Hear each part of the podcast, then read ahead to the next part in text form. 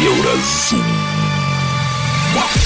Самая еўрапейская праграма пра Беларусь.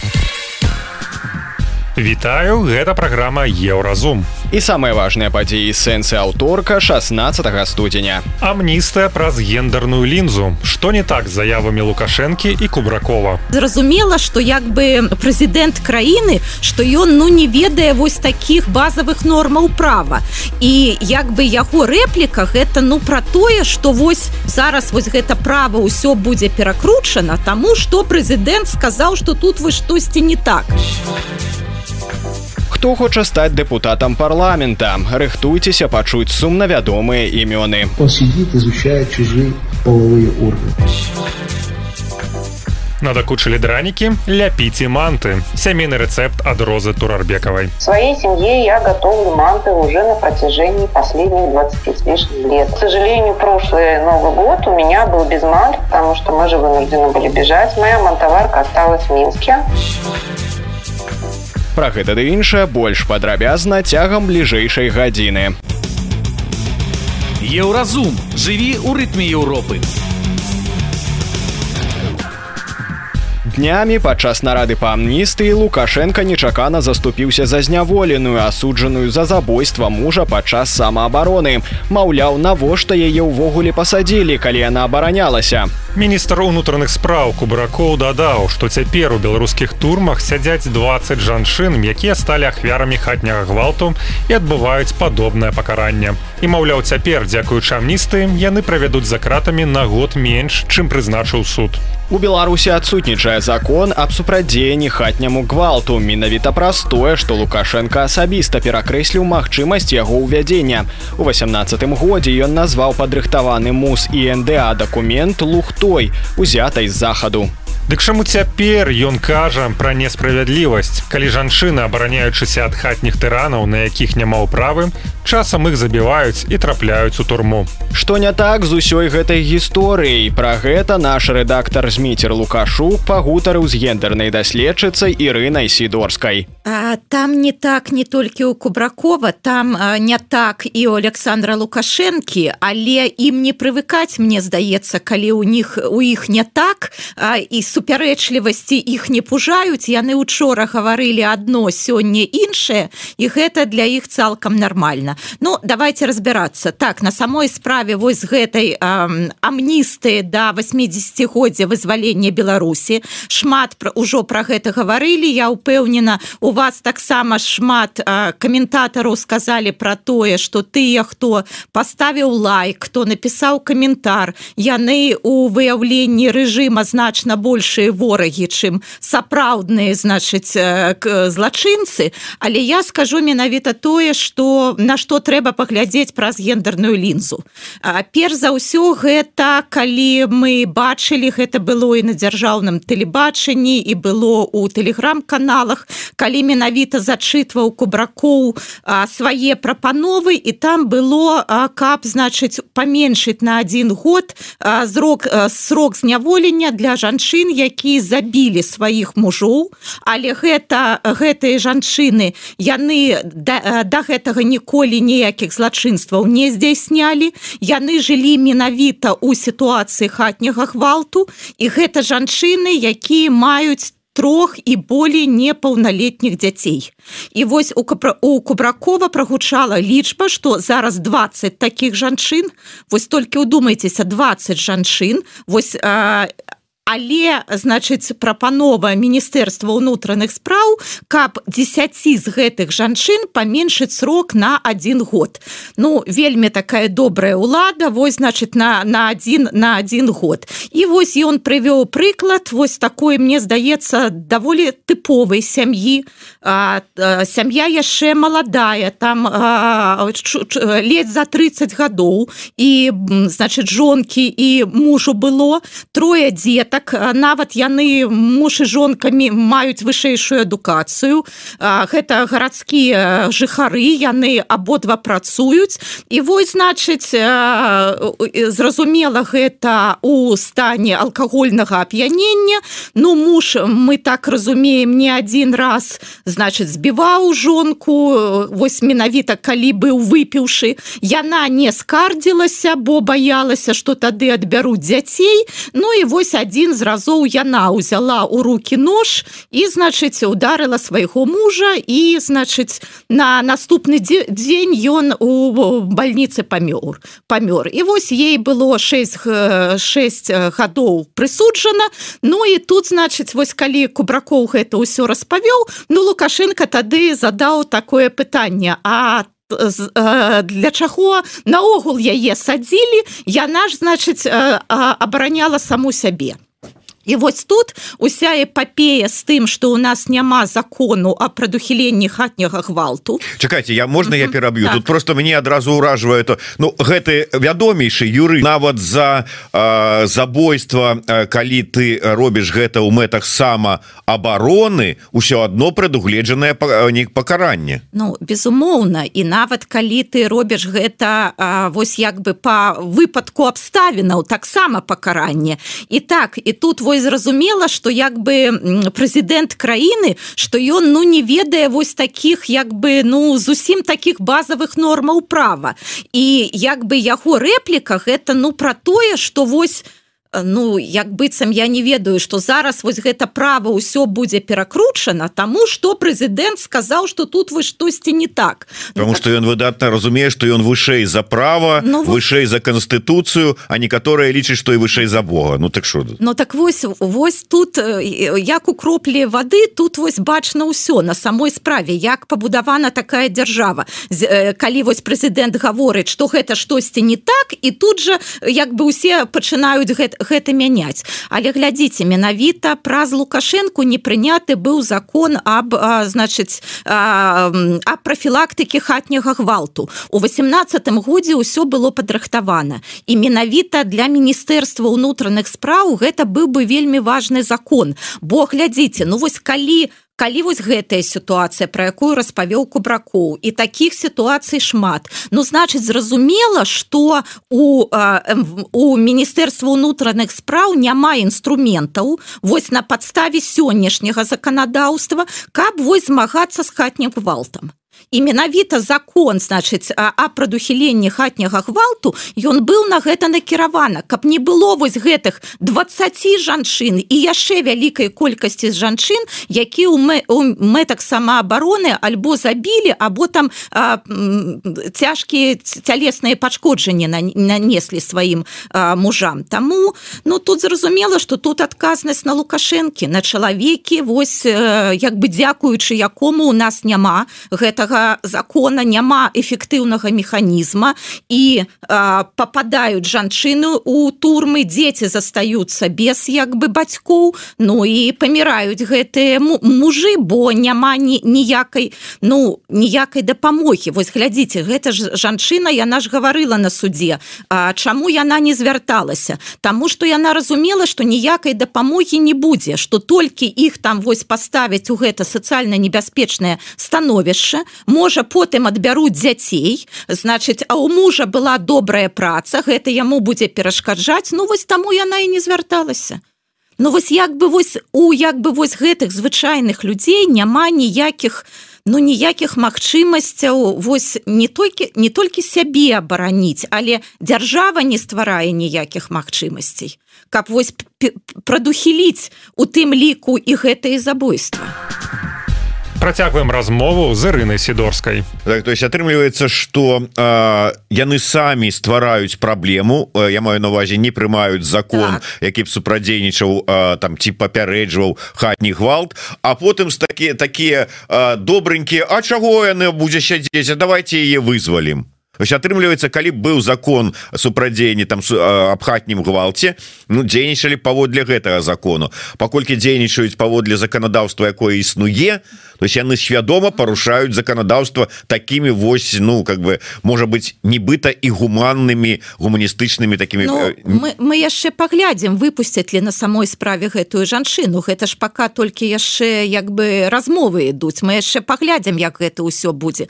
Але так гэта ж не персанальная не асабістая праблема вось гэтай сям'і. Гэта же ну вялікая сацыяльная праблема. У беларусі вельмі шмат таких сямей. Вось я на жаль не магу прывесці лічбы але я не магу іх прывесці не таму что я там не шукала іх а таму что дзяржава як бы яна не дае гэтых лічбаў. Бо гэта зразумела что гэта ну вельмі такія будуць высокія паказчыкі.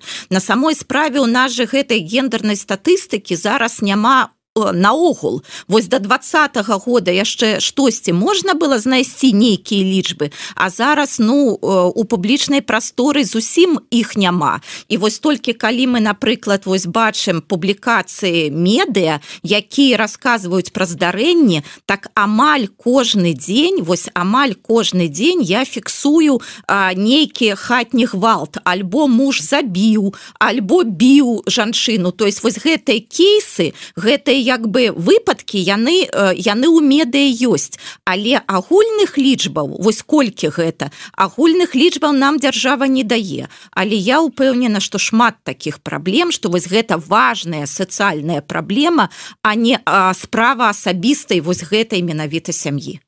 Глядаць под нікам Гры Дэвидсон добрую думку выказвае. АГЛ хоча каб ад яго усе залежылі і у прынцыпе гэта можа быть адным з чыннікаў одна справа калі ты асуджаны да смяротнага пакарання і ты ведаеш что апошняя інстанцыя гэта кіраўнік краіны і пішаш яму там на памілаванне. Іншая справа калі глядзяць усе на такую вось сітуацыю что сваім рашэннем можна наплевать на ўсе законы на ўсе прысуды і все такое. Узяць і сказаць каб вызвалілі зараз усе там будуць пісаць і калі вось будуць такія прыклады вызвалення насупраць закону усе Ай які маладзец Ай вот вот вот гэта вот да, вышэй за Бога да, чалавек які рашае А вось усе гэтыя інстытуты якія створаны ў краіне яны як быццам ну нічога значит не прымаюць ніякіх рашэнняў. Но так гэта і ёсць аўтарытарная ўлада калі вось гэты чалавек ён лічыць что толькі ён можа прымаць усе такія важные рашэнні а ўсе астатнія гэта для того каб ну выконваць тыя рашэнні якія ён прымае. Ну гэта так ёсць сутнасць аўтарытарнай улады глядзіце у нас эфир ідзе 10 хвілінаў колькі за гэты раз 10 хвілінаў мы з вами парушылі артыкул 368 крымінальнага кодекса які ну как бы пішется про абразу лукашэнкі ну, які трактуецца як прапагандыстамі так і следчымі так зваными так і так зваными суддзямі як парушэнне закона любая крытыка ці сумнеў у тым что гэты вышэйшы за Бога нешта можа не так робіць? Не вось не, не хочу я прымаць гэтай думкі не ніякіх абраз у нас не было у эфиры А калі там хтосьці вось лічыць крытыку альбо сумнеў як абразу то гэта праблемы вось менавіта гэтых людзей. Бо свабода выказванняў свабода крытыкі ўлады гэта неад'емная частка дэмакратычнага грамадства Ну гэта наогул нават неад'емная частка ну прагрэсу развіцця. Бо сродкі масавай інфармацыі і эксперты яны якраз для таго каб абмяркоўваць тыя рашэнні якія прымае дзяржава і крытыкаваць гэтые рашэнні Гэта была гендерная даследчыца прафесарка Ірына сідорская. Яна патлумачыла, як навіна пра амністыю выглядае праз гендерную лінзу. Еўразум. Беларусь у еўрапейскім фокусе. Далі ў праграме Еўразум. хто хоча стаць дэпутатам парламента рыхтуйцеся пачуць сумна вядомыя імёны Он сидит, изучает чужие половые органы. Надакучылі дранікі, ляпіце манты. Сямейны рэцэпт ад розы Турарбекавай. В своей семье я готовлю манты уже на протяжении последних 20 с лишним лет. К сожалению, прошлый Новый год у меня был без мант, потому что мы же вынуждены были бежать. Моя мантоварка осталась в Минске. сустрэнемся пасля навінаў спорту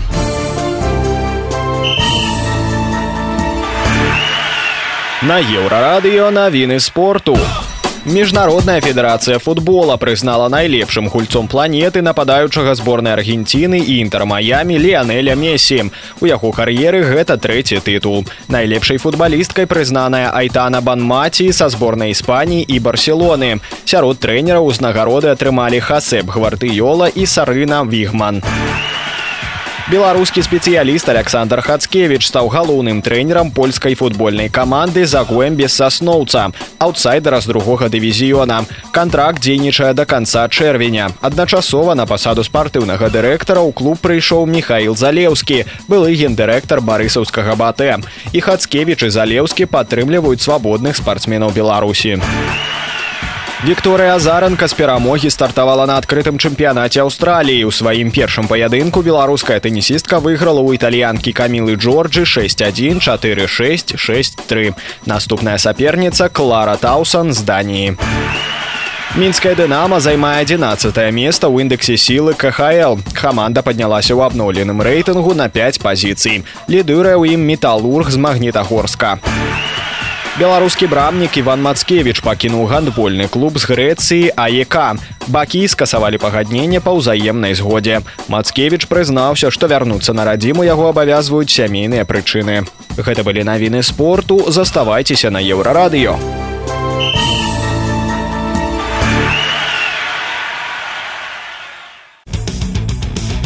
Еўразум. Жыві ў рытме Еўропы.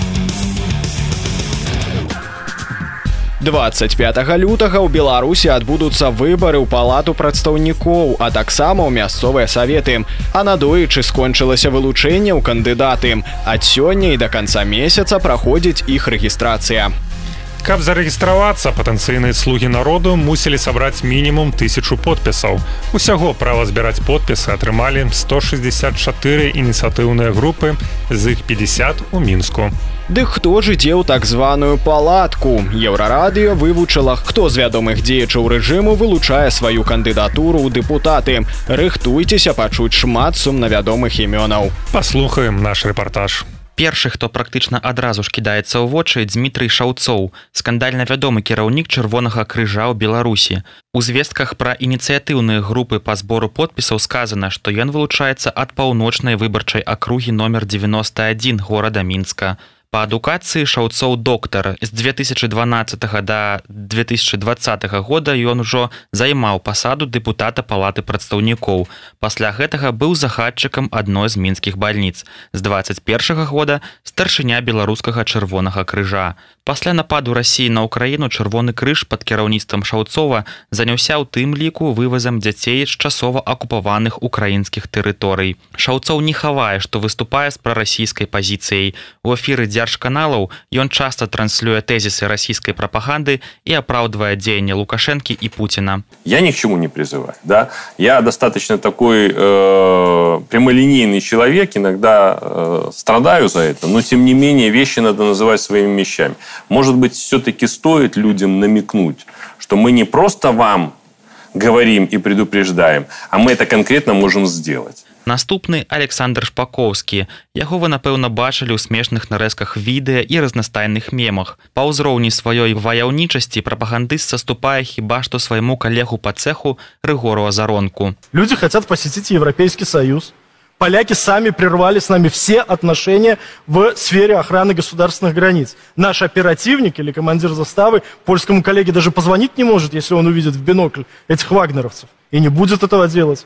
Понимаете? Поэтому вот эти вот э, бряцания оружием, ну, вряд ли э, способны остановить людей, желающих, значит, прогуляться куда-то там на территорию Польши. Я не исключаю, что вот партизаны, люди доброй воли, они могут устроить в этом Жешуве э, поганом, значит, э, в аэродроме, потому что город-то хороший, значит, э, ту самую знаменитую бавовну. Шпакоўскаму 40 гадоў мае адукацыю юрыста і гісторыка, дырэктар цэнтра актуальная канцэпцыя і чалец навукова-экспертнай групы пры дзяржсакратарыяце Савета бяспекі Беларусі.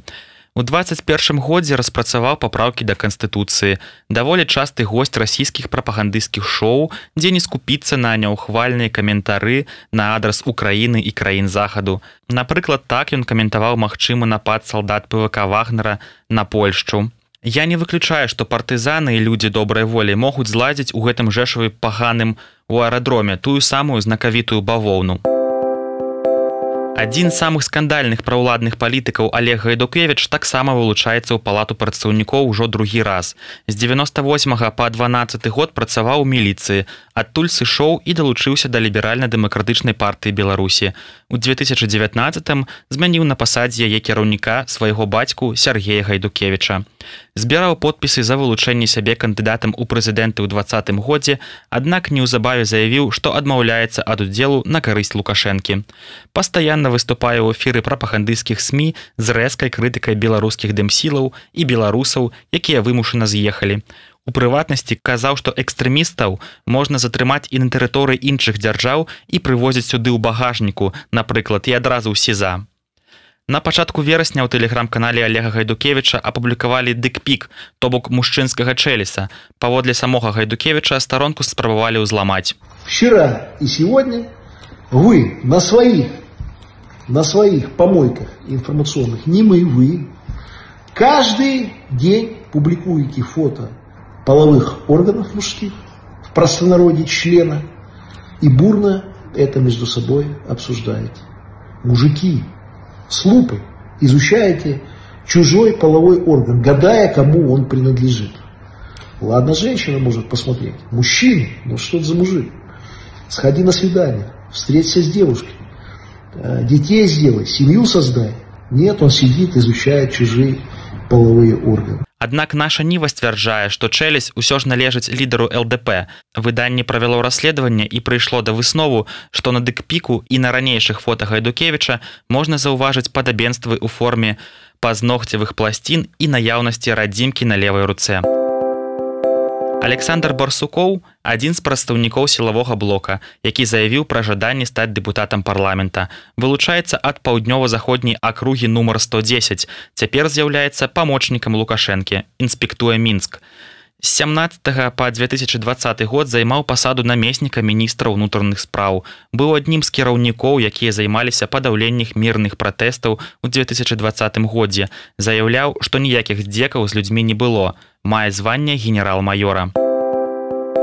Лёгкаатлетка Анастасія Мірончык Іванова, што неаднаразова прызнавалася ў сімпатыі да дзейнай улады, таксама вырашыла звязаць сваю будучыню з палітыкай. Спартоўцы 34 гады. Яе кар'ера падыходзіць да канца. Апошні вялікі старт быў у 2021 годзе на алімпіядзе ў Токія. Там яна заняла 14 месца.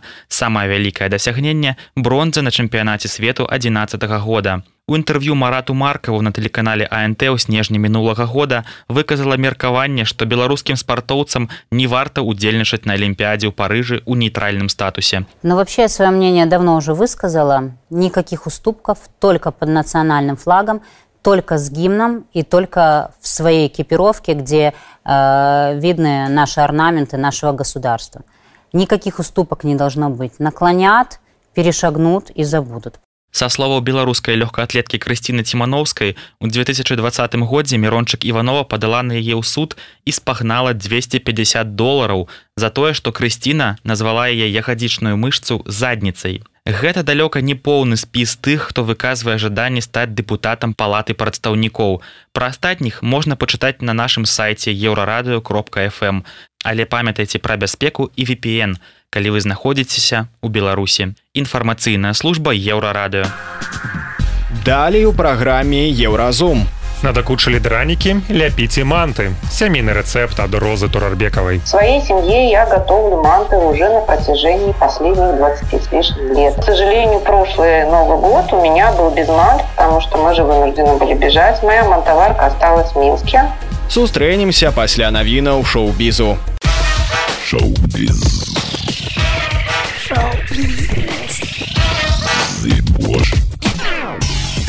навіны шоу-бізу на еўрарадыё беларускі пісьменнік саша філіпенко стаў лаўрэатам прэстыжнай французскай літаратурнай прэміі заснаванай часопісам трансфьюж яго кніга крэмулятар перамагла ў намінацыі найлепшы еўрапейскі роман 2023 года на жаль сёння пра Беларусь амаль ніхто не ўзгадвае кажа філіпенко ў інтэрв'ю будзьма пасля пачатку вайны ва ўкраіне ўсім не да нашай краіны пасля пачатку вайны ва ўкраіне ўсім не да беларусі. Таму важна каб тыя галасы якія ёсць у нас у еўропе працягвалі нагадваць пра сітуацыю ў краіне.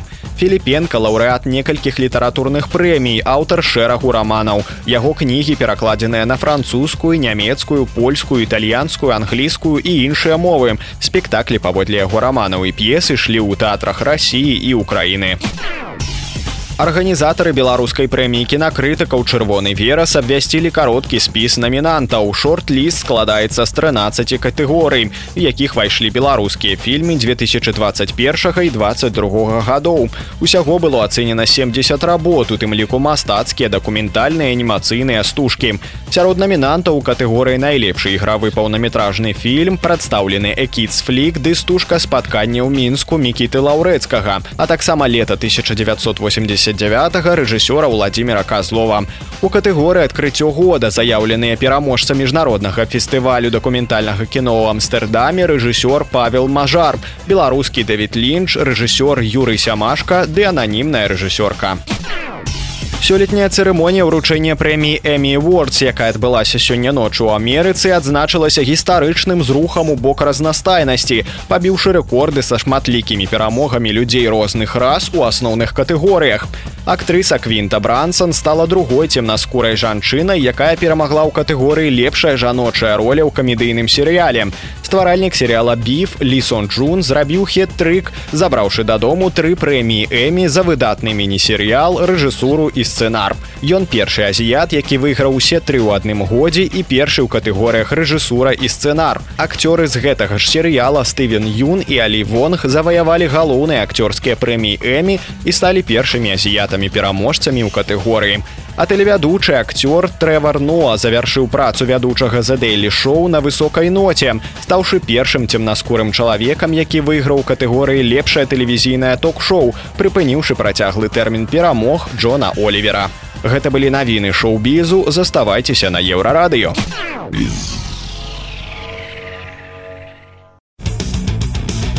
Еўразум. Жыві ў рытме Еўропы. У снежні гартаючы стужку фейсбука хтосьці з рэдакцыі еўрарадыо натрапіў на некалькі фотаздымкаў якія размясціла ў сябе на старонцы дацэнка кандыдатка гістарычных навук роза турарбекова. Гэта ж манты пачуўся захоплены голас калегі. Усе ўтаропіліся на экран ноутбука справа была ўвечары але праз дэдлайны якія падціскалі напрыканцы года паабедаць ніхто не паспеў. І магчыма таму працэс гатавання мантаў зафіксаваны на здымках ніяк не даваў нам спакою. Няўжо манты можна прыгатаваць дома? Атрымаецца? Роза турарбекова кажа што гатуе манты больш за 20 гадоў і ні разу страва не атрымлівалася дрэнна. Галоўнае мяркуе добрыя прадукты і дакладнае выкананне правілаў гатоўкі. Экспертка ласкава пагадзілася падзяліцца з еўрарадыо таямніцамі сваёй вытанчанай стравы. Мы ж задавальненнем дзелімся ёй з вами Манты гэта цэнтральна-азіяцкая страва, расказвае Роза Турарбекова. Яе гатуюць ва ўсёй цэнтральнай Азіі, уключна з Казахстанам, а таксама ў некаторых іншых краінах, напрыклад, у Турцыі, Манголіі, Карэі. Думаю, эксперткі манты сталі гатаваць пад новы год, калі ў сям'і з'явілася мантаварка. Такая спецыяльная каструля прызначаная менавіта для гэтай стравы, што гатуецца на пары. Родзе турарбекавай было тады гадоў 11 ці 12. Таму з дзяцінства манты асацыюецца ў яе менавіта зімовымі святамі. Когда я вышла замуж через какое-то время, наверное, год или два спустя, мама мне а, привезла на товарку, наверное, года два спустя после замужества. А, вот. Естественно, я записала рецепт, потому что я, в общем и целом, только лепила. Я не, весь процесс я не делала. пока не была замужем, пока, как говорится, жила у мамы под крылом. А, вот. Записала весь процесс и потом стала готовить сама. Mm-hmm. Вот. И эту традицию я из своей семьи перенесла, из своей семьи, имеется в виду родителей, я перенесла в свою семью, и в своей семье я готовлю манты уже на протяжении последних 20 с лишним лет. Только вот, к сожалению, прошлый Новый год у меня был без мант, потому что мы же вынуждены были бежать. Моя мантоварка осталась в Минске, в квартире, которую арестовали и запечатали. Вот. И в этом году мои э, родные э, на Новый год решили сделать подарок. Они купили мантоварку. И мы снова собрались и сделали манты. Поэтому, в общем и целом, такая история. Даже когда вот меня выдавали замуж, а у меня муж приехал знакомиться с моими родителями, а, в ту новогоднюю ночь, он был у нас в Алмате, мы готовили манты, а так, такая была ситуация, что в то время Узбекистан э, сокращал поставки газа в Алмату, и у нас проблема была с газом именно в новогоднюю ночь. Я очень боялась, что не будет вернее, они не приготовятся, но все-таки как бы манты дошли, и муж попробовал, и с тех пор, конечно, у нас нет никаких сомнений, что мы готовим на Новый год. На Новый год мы готовим манты. Но это не только в новогоднюю ночь, это вообще весь период новогодних каникул я делаю манты. Все делается вручную, естественно. Перш чым апісаць увесь працэс гатавання мантаў, Роза Турарбекова расказвае, чаму баранавае мясо ў Беларусі ці літве не пасуе для гэтай стравы. Нужно для фарша в первую очередь хорошее мясо, желательно жирное, желательно баранина, но, к сожалению, в этом регионе я не встречала хорошей баранины. Это не, не потому, что здесь плохие продукты, это потому, что здесь не выращивается вернее, э, овцы, они едят другую траву. А это отражается на качестве мяса. Это очевидно. Степные травы, где э, скот, как говорится, выращивается, там достаточно сухие травы, вот, э, соответственно, и мясо другое, просто другое. Я не буду говорить, оно хуже, лучше, но, как правило, ведь овцеводством в Беларуси-то не занимаются. Это же как бы не случайно. А основной вид мяса в Беларуси это не баранина, это же свинина. Это что же не случайно? А вот, поэтому, ну, соответственно, да, зоне климатической, соответственно, и как бы все остальное. А если, ну, я нашла выход в конечном итоге. Я стала покупать хорошую телятину, а, а с тем, чтобы мясо было жирное, а я стала добавлять курдюк. Курдюк – это бараний жир, в принципе, его на рынке можно приобрести – на Комаровке я всегда вот покупала курдюк. И здесь, э, в Литве, я тоже нашла курдюк. Это как бы задача такая была. Абавязкова патрэбныя гарбуз і цыбуля. Рэзаць прадукты трэба абавязкова кубікамі, працягвае экспертка. Ніякай месасечкі, палова фаршу гэта мяса, другая складаецца з трох частак: гарбуз, цыбуля і курдюк. Усё. Дарэчы, казахі, сярод якіх большасць месаеды любяць паспрачацца, дадаваць гарбуз ці не. Гэта падобна да беларускай спрэчкі пра дранікі з мукой ці без. І вось дадаванне якой колечы гародніны ў манты ў Казахстане у кагосьці можа выклікаць нават насмешку. Але са слоў эксперткі гэта стэеатыпы. Гарбуз, ствараючы пэўны баланс з цыбуляй, надае страве выразнасць і такі вось вельмі далікатны смак. Манты не атрымаюцца вострымі або кіслымі. Самае галоўнае ў працэсе, на думку нашай суразмоўніцы, не перабраць з інгрэдыентамі. Дапусцім, некаторыя людзі дадаюць у плоў разынкі або курагу, маўляў, будзе смачней. І гэта з пункту гледжання розы турарбекавай проста блюзнерства. Так што гарбуза не павінна быць шмат. Таксама не варта дадаваць у фарш, перац або якія-небудзь іншыя прыправы. Яны пераб'юць сапраўдны смак стравы. Просто просто пасаліце крочым далей мука цёплая вода одно яйка і дэсертная лыжка солі вось ўсё што спатрэбіцца для теста трэба замясіць яго да больш-менш нармальнай кансістэнцыі чым-небудзь закрыць і пакінуць на 20 хвілін каб яно дайшло у лядоўню ставіць не трэба у кухні не павінна быць ніякіх скрызнякоў бо тады яно не падымецца Калі тэста будзе гатовае, яго трэба раскачаць на невялікія аладкі і зляпіць манты. Роза Турарбекова працягвае.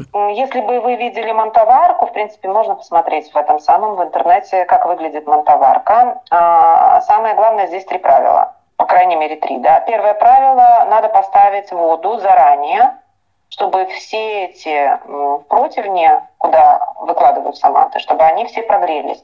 Нельзя класть на холодное это точно. А, кроме того, надо обязательно, чтобы они не слиплись, а, не прилипли к этим противням, я имею в виду манты, а, вот, надо обязательно эти противни, после того, как они прогреются, надо будет их обязательно протереть э, растительным маслом. И то же самое сделать с каждой мантиной. И вот это все вы выкладываете, вода уже кипит, вы закрываете все это, и на пару манты готовятся 40 минут. Ни больше, ни меньше. Не надо ничего в себя добавлять. А вот не надо там чего-то соображать, э, как-то трансформировать этот рецепт. Не стоит. Все, все плохо закончится. Не надо. Как бы там все четко рассчитано, за какое время а, готовится фарш, при этом а, тесто не разваливается и как бы все доходит до той степени готовности, до какой-то необходимо. Через 40 минут вы выключаете плиту, отодвигаете в сторону, ну, там раскладываете манты на тарелки, соответственно. А мои любят э, со сметаной, добавляют сметану, как в пельмени прямо, да, сверху. Вот, потому что манта очень горячая, если особенно внутри, да, этот самый курдюк, то понятно, что там они очень горячие, там температура внутри очень такая серьезная. Вот. Ну и мое, мое особое такое, как бы, как это сказать, мой особый совет не делать манты слишком большими, а, чтобы можно было, например, ну, если не целую мантину, да, то хотя бы половину, да, поместить сразу в рот, потому что вы когда кусаете ее, да, это уже к вопросу о том, как, ее, как употреблять есть, да, вот там внутри там сок, вот там самое вкусное, это вот этот сок. Понятно, что фарш вкусный. Вот, и дабы он не вытекал, да, а попадал, как говорится, туда, куда надо, по назначению. Вот, хорошо было бы, если бы манты были бы небольшие. Вот. Ну, собственно, все. І так вось рацэпт. Чатыры бляхі ў мантаварцы разлічаны прыкладна на 35-38 штук. Для падрыхтоўкі фаршу спатрэбіцца 1 кілаграм цяляціны, 250 грам курдзюка, адна вялікая цыбуліна, каля 350 грам гарбуза, прыкладна сталовая лыжка солі. На цеста трэба тры шклянкі мукі, одно яйка одна чайная ложка соли теплая вода і тут трэба ўжо адчуць як пры замешванні теста кладецца на руку. Самое галоўнае трымацца тэхналогіі яшчэ раз паўтарае роза турарбекова. Добрыя майстры ведаюць што смак стравы наўпрост звязаны з тым якім чынам вы рэжаце цыбулю якую у яе дадаеце крышыце ўсё кубікамі і ні ў якім разе не карыстайцеся мясасечкай інакш атрымаюцца не манты а пельмені ды то не вельмі смачныя. Інфармацыйная служба еўрарадыё. Еўрапейскае радыё для Беларусі. Гэта была праграма Еўразум, штодзённы інфармацыйны падкаст еўрарадыё. Кожны дзень мы распавядаем пра самыя галоўныя навіны Беларусі і свету. А сённяшні выпуск скончаны. Беражыце сябе.